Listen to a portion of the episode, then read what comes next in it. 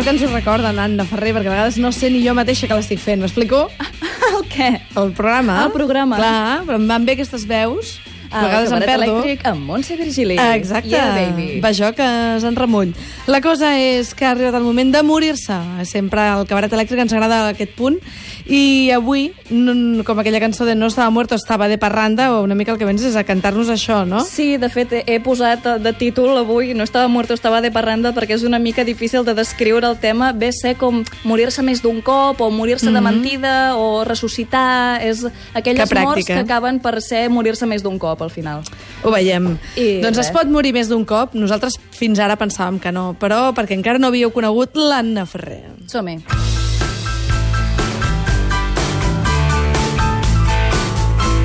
És la cançó que es diu Not Dead Yet. Exacte. Super apropiada. Després hi Home, escoltarem, després hi sembla que t'ho escoltarem en Peret amb No estava muerto. Això ja ho farem. Però bé, uh, com ens passa molt sovint a Rigor Mortis, tenim un tema molt extens en moltes categories i fem un repàs ràpid de totes. Primer tenim l'amor Disney, que ja l'hem tractat moltes vegades, que és allò que la manipulació emocional de l'espectador quan sembla que el personatge més estimat s'ha mort, però després no.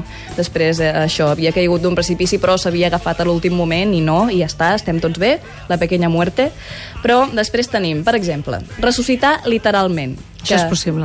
A la ficció, com a mínim, sí. Uh -huh. I un dels experts és l'Akira Toriyama, que és el creador de Bola de Drac, precisament ara que ha sortit la notícia que farà eh, més enllà de Bola de Drac Z, farà uh -huh. com un- una nova saga.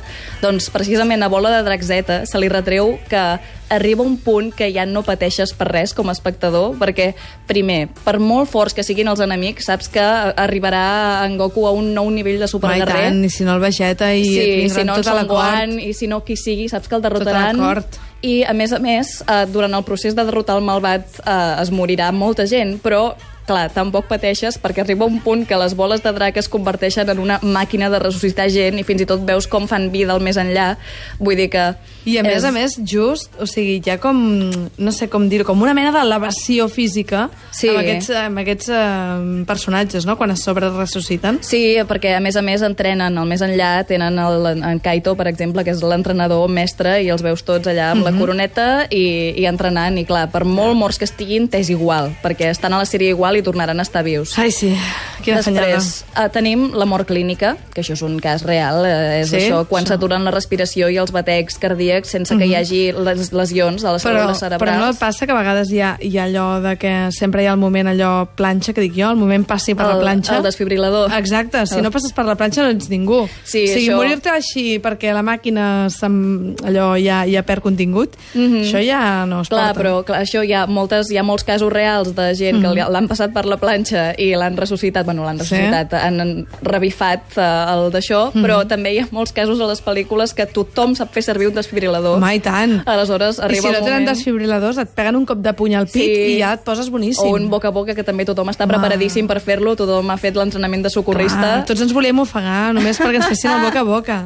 Aleshores, això, tant a la realitat com al cinema l'hem vist moltes vegades. Mhm. I entre la resurrecció aquesta literal i la mort clínica hi ha quan el personatge de ficció està... És una situació que hem vist moltes vegades en, circumstàncies, en circumstàncies diferents, que és quan està a les portes de la mort i veu el, la llum al final del túnel, Home, però no hi passa. Al final sent una veu que el crida o diu no, he de continuar lluitant O si i no, o si no hi, ha, hi surten algunes imatges del Sí. moment present, com Sí, que la nòvia es quedarà molt trista. Sí, oh, si Jack, no puedo seguir sin ti. Exacte. I aleshores en Jack diu, no, tengo que seguir por Meredith. Exacte. I, no i perquè bueno. jo vulgui viure, no. És No, no, perquè no, la, és per Meredith la Meredith. es quedaria amb el cor encongit com una esponja. doncs amb el cor encongit com una esponja anem ara sí... És l'anticoncepte, anem no? A, anem a, a bo de la nit.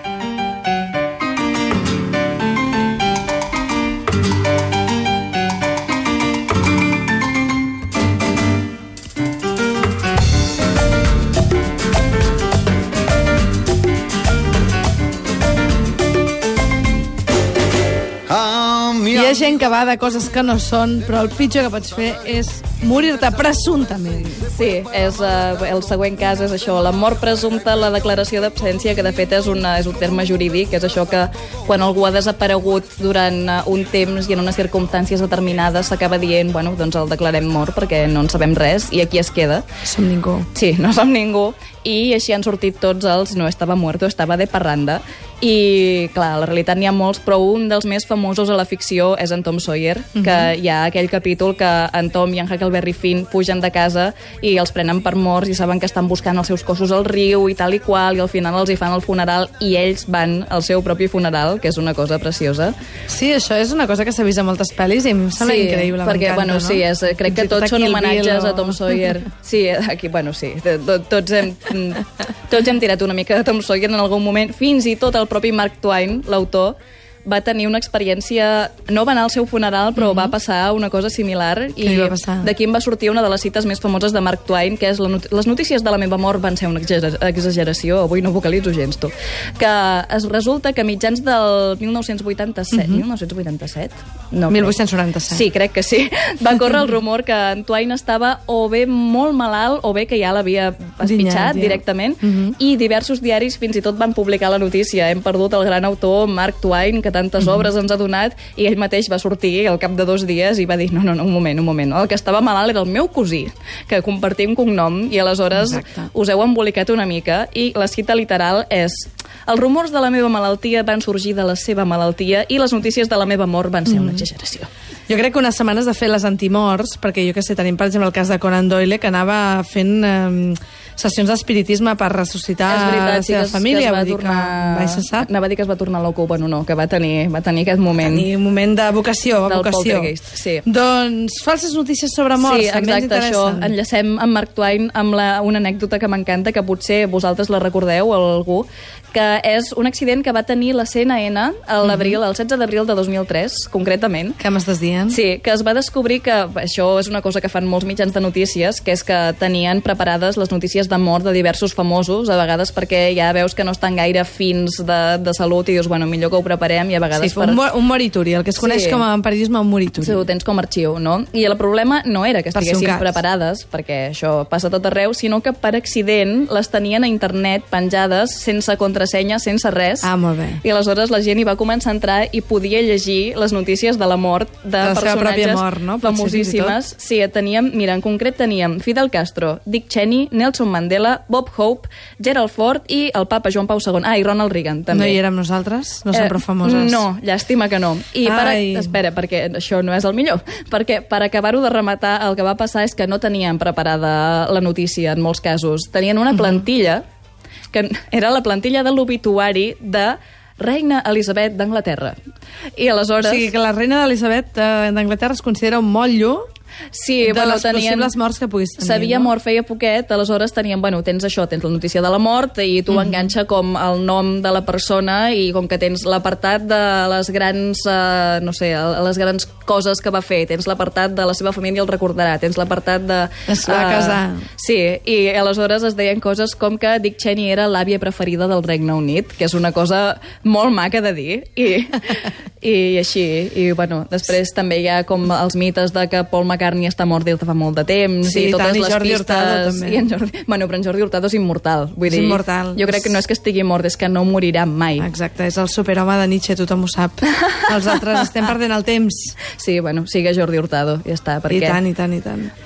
I cada dia més jove, més aquest home, eh? Sí, Com potser, potser no és que sigui immortal, sinó que va rejuvenint amb el temps i ningú se n'adona. Sí. Com que canvia d'ulleres et despista.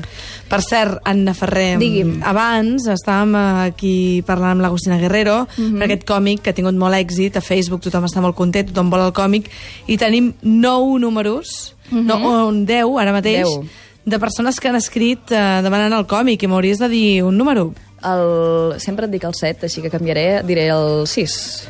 Un, dos, tres, quatre, cinc, sis. Doncs la Carme Ruiz Garcia que ens deia que els estudiants de l'Hospital Universitari de Reus, ensenyant-los un metge el que és un fecaloma en la meva persona. Què, què era la pregunta?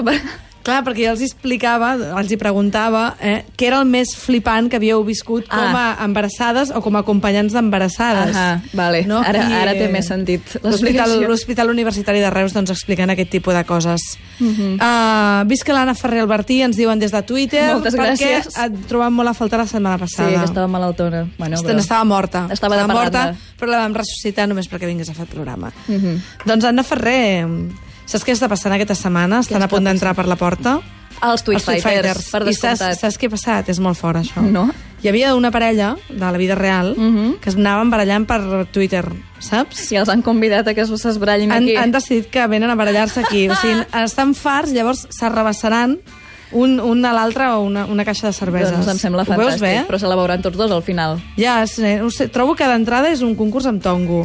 Però bueno, Ui, sabrem qui guanya la baralla matrimonial per saber qui guanya el Tweet Fighter. Exacte, no? aquí porta els pantalons a casa. Ai, cabaretelèctrica.cat, si vosaltres també us voleu apuntar el Tweet Fighter, si voleu indicar-nos alguna mort així de record, el que vulgueu. Doncs, Anna, moltíssimes gràcies. Fins la setmana que ve. Fins la setmana que ve. Merci. Tweet Fighters, cap aquí!